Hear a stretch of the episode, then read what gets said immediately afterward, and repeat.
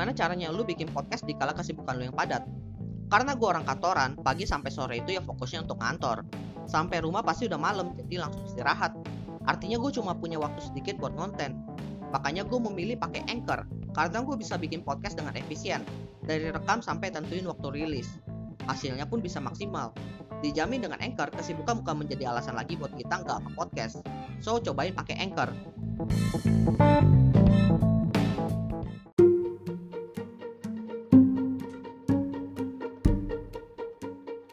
Selamat datang di Tutup 2022. Episode ini adalah bagian dari tantangan 30 hari bersuara 2022 yang diselenggarakan komunitas The Podcaster Indonesia. Selamat mendengarkan. Sekarang tuh penghasilan udah nggak cukup dari satu tempat aja.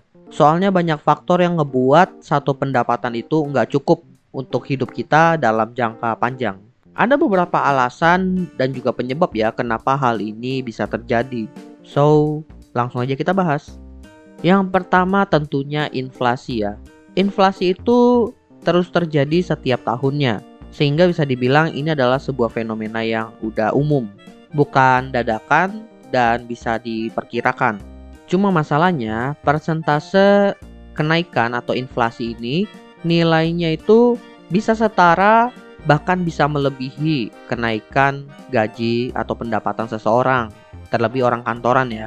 Inflasi setiap tahun itu persentasenya berkisar di angka 4 sampai 6% year on year.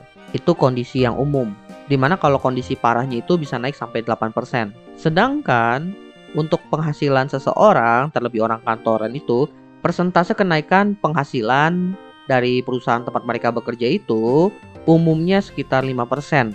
Meskipun secara persentase itu kelihatannya masih setara ya ataupun beda dikit, tapi kan imbasnya itu adalah dari segi kebutuhan bahan-bahan makanan, kemudian bahan-bahan pokok lainnya juga ikutan naik. Di mana tentunya dengan satu sumber penghasilan ini yang naiknya cuma 5%, itu akan kesulitan untuk mengcover kebutuhan-kebutuhan yang harganya juga naik ini.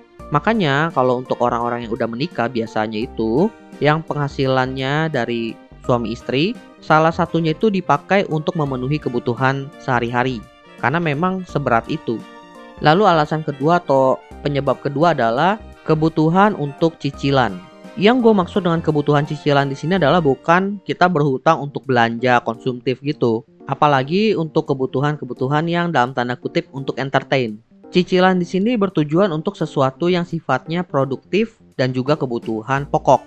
Misalnya nyicil laptop untuk kebutuhan pekerjaan, nyicil mobil untuk transportasi menuju tempat kerja atau ketemu klien, dan untuk kebutuhan pokok tentunya nyicil rumah tempat tinggal. Gue cukup relate dengan masalah cicilan ini ya, karena gue lumayan mendalami dan menjadikan salah satunya itu menjadi goalsnya. Makanya gue menemukan beberapa hal yang bisa dibilang menjadi masalah di sini.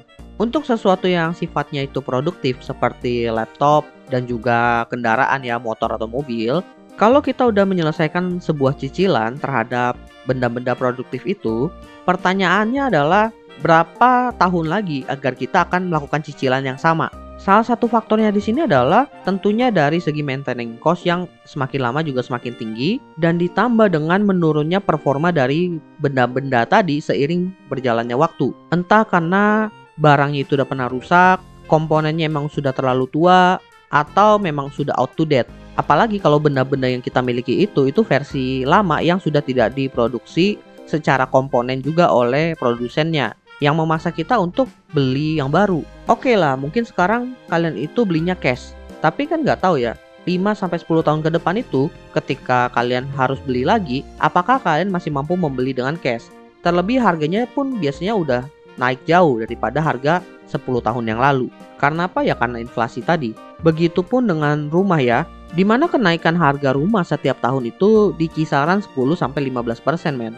Itu jauh lebih tinggi daripada inflasi. Dan itu bukan faktor satu-satunya yang membuat harga melambung naik. Selain kenaikan 10-15% tadi, kenaikan juga dipengaruhi dari harga bahan bangunan yang juga naik. Lalu lokasi rumah atau tanah yang tepat juga membuat harga rumah itu melambung tinggi. Belum lagi kalau misalnya ada pembangunan di tanah tertentu yang harganya masih murah, tapi dilakukan oleh developer ternama, harganya juga bisa melambung tinggi. Udah harganya naik, kita pun harus menyiapkan DP yang besar juga kalau nggak mau cicilannya gede. Permasalahannya adalah kalian itu lebih milih cicilannya yang gede atau DP-nya yang gede. Kalau pilih DP-nya yang gede, kalian mau berapa lama ngumpulin DP-nya tadi? Kalau kalian pilih cicilannya yang gede, apakah pendapatan kalian itu setelah bayar cicilan masih bisa mengcover kebutuhan-kebutuhan kalian yang lain? Makanya jangan heran banyak juga yang ngambil rumah itu setelah mereka menikah karena kalau ngambil sendiri itu bayarnya berat. Kalau misalnya bayarnya itu berdua dengan penghasilan suami istri, yang satu bisa buat kehidupan sehari-hari, yang satu pendapatannya bisa bayar buat cicilan. Tapi ini sebenarnya bisa diakali juga dengan mempersiapkan jauh-jauh hari sih. Makanya gue juga lumayan mendalami terkait masalah cicilan, KPR, dan hutang-hutang lainnya. Bagaimana cara memaksimalkan penggunaannya juga. Dan ada kontennya juga kok kalian bisa cek lah di episode lainnya. Karena menurut gue masalah hutang atau cicilan ini memang secara cover itu mengerikan, tapi di satu sisi kalau kita bijak dan mengerti cara pakainya itu, hutang atau cicilan ini bisa menjadi penolong untuk memajukan taraf kehidupan kita loh. Lanjut ke alasan ketiga, yaitu resiko kehilangan pekerjaan. Kalau penghasilan lu itu cuma satu, artinya kalau lu kehilangan pekerjaan, lu kehilangan sumber pendapatan lu dong. Pertanyaannya gimana lu bisa hidup kalau seandainya lu kehilangan sumber pendapatan itu. Tentunya lu berusaha mencari pendapatan yang lain dong. Tapi kan ada jeda waktu di sini di mana lu belum memiliki sumber pendapatan. Makanya selagi posisinya kita itu masih satu penghasilan, sebaiknya kita udah mulai mencari penghasilan yang lain. Secara personal gue ya, kalau lu punya penghasilan tambahan itu, yang oke minimal udah bisa mengcover kebutuhan lu sehari-hari setiap bulannya. Kalau bisa lebih dari itu justru bagus. Alasan terakhir adalah mempersiapkan dana pensiun. Tentunya teman-teman sadar juga bahwa orang-orang sekarang itu banyak yang udah melek terhadap masalah finansial. Terlebih terkait masalah pensiun dengan melihat kasusnya orang tua-orang tua kita yang tidak punya dana pensiun dan impactnya juga membuat banyak orang yang sudah berkeluarga masuk ke dalam sandwich generation. Tentunya kita nggak mau hal ini terjadi kepada anak-anak kita atau cucu-cucu kita. Makanya kita perlu mempersiapkan dana pensiun. Umumnya di Indonesia itu orang pensiun kan di umur 55 tahun. Dan proyeksinya itu katanya rata-rata hidupnya bisa sampai 70 tahun paling lama. Artinya kita perlu menyiapkan dana pensiun sekitar 15 sampai 20 tahun lah. Anggap lebih sampai 75. Mempersiapkan dana pensiun itu menurut gua mirip sama mempersiapkan dana darurat. Bedanya ya kalau dana darurat biasanya untuk satu tahun aja, kalau pensiun untuk 15 sampai 20 tahun tadi. Dan apakah itu mudah? Jawabannya enggak men, susah. Menurut gue susah. Untuk dana darurat dengan jangka waktunya setahun, itu perlu beberapa tahun untuk mempersiapkannya. Alasannya apa? Alasannya gini, Kalian pasti sadar kalau orang-orang yang suka bicara tentang masalah finansial itu ngebahas tentang membagi pendapatan kita untuk pertama masalah expense, kemudian masalah entertain, kemudian masalah investasi dan tabungan. Dan ketika bicara tentang investasi, tabungan, dan dana darurat, pasti dibilang ya investasi itu sendiri, tabungan itu sendiri, dana darurat itu sendiri. Artinya kalau lu menyisikan 20% pendapatan lu untuk masalah investasi dan tabungan, lu perlu membagi ini ke dalam tiga kategori tadi kan. Nah, untuk dana darurat itu presentasinya berapa? Itu baru dana darurat loh, belum kita bicara soal dana pensiun. Kalau kita masukin ini artinya udah empat kategori. Makanya untuk bisa memenuhi target tersebut, kita nggak bisa terpaku dari satu sumber pendapatan aja. Kita perlu menambah budget terhadap masalah investasi dan tabungan tadi. Caranya ya, yang pertama tentunya ya kalau dari segi persentase pendapatan kalian bisa naikin tuh untuk masalah investasi dan tabungan. Yang awalnya 20% jadi berapa persen kek. Dan tentunya itu akan mengganggu yang lain dong. Ada yang perlu dikorbankan. Dan cara kedua ya itu tadi mencari penghasilan yang lain dari sumber yang lain dari penghasilan yang kalian dapatkan dari sumber yang lain ini, tentunya kan nggak mengganggu persentase dari penghasilan utama.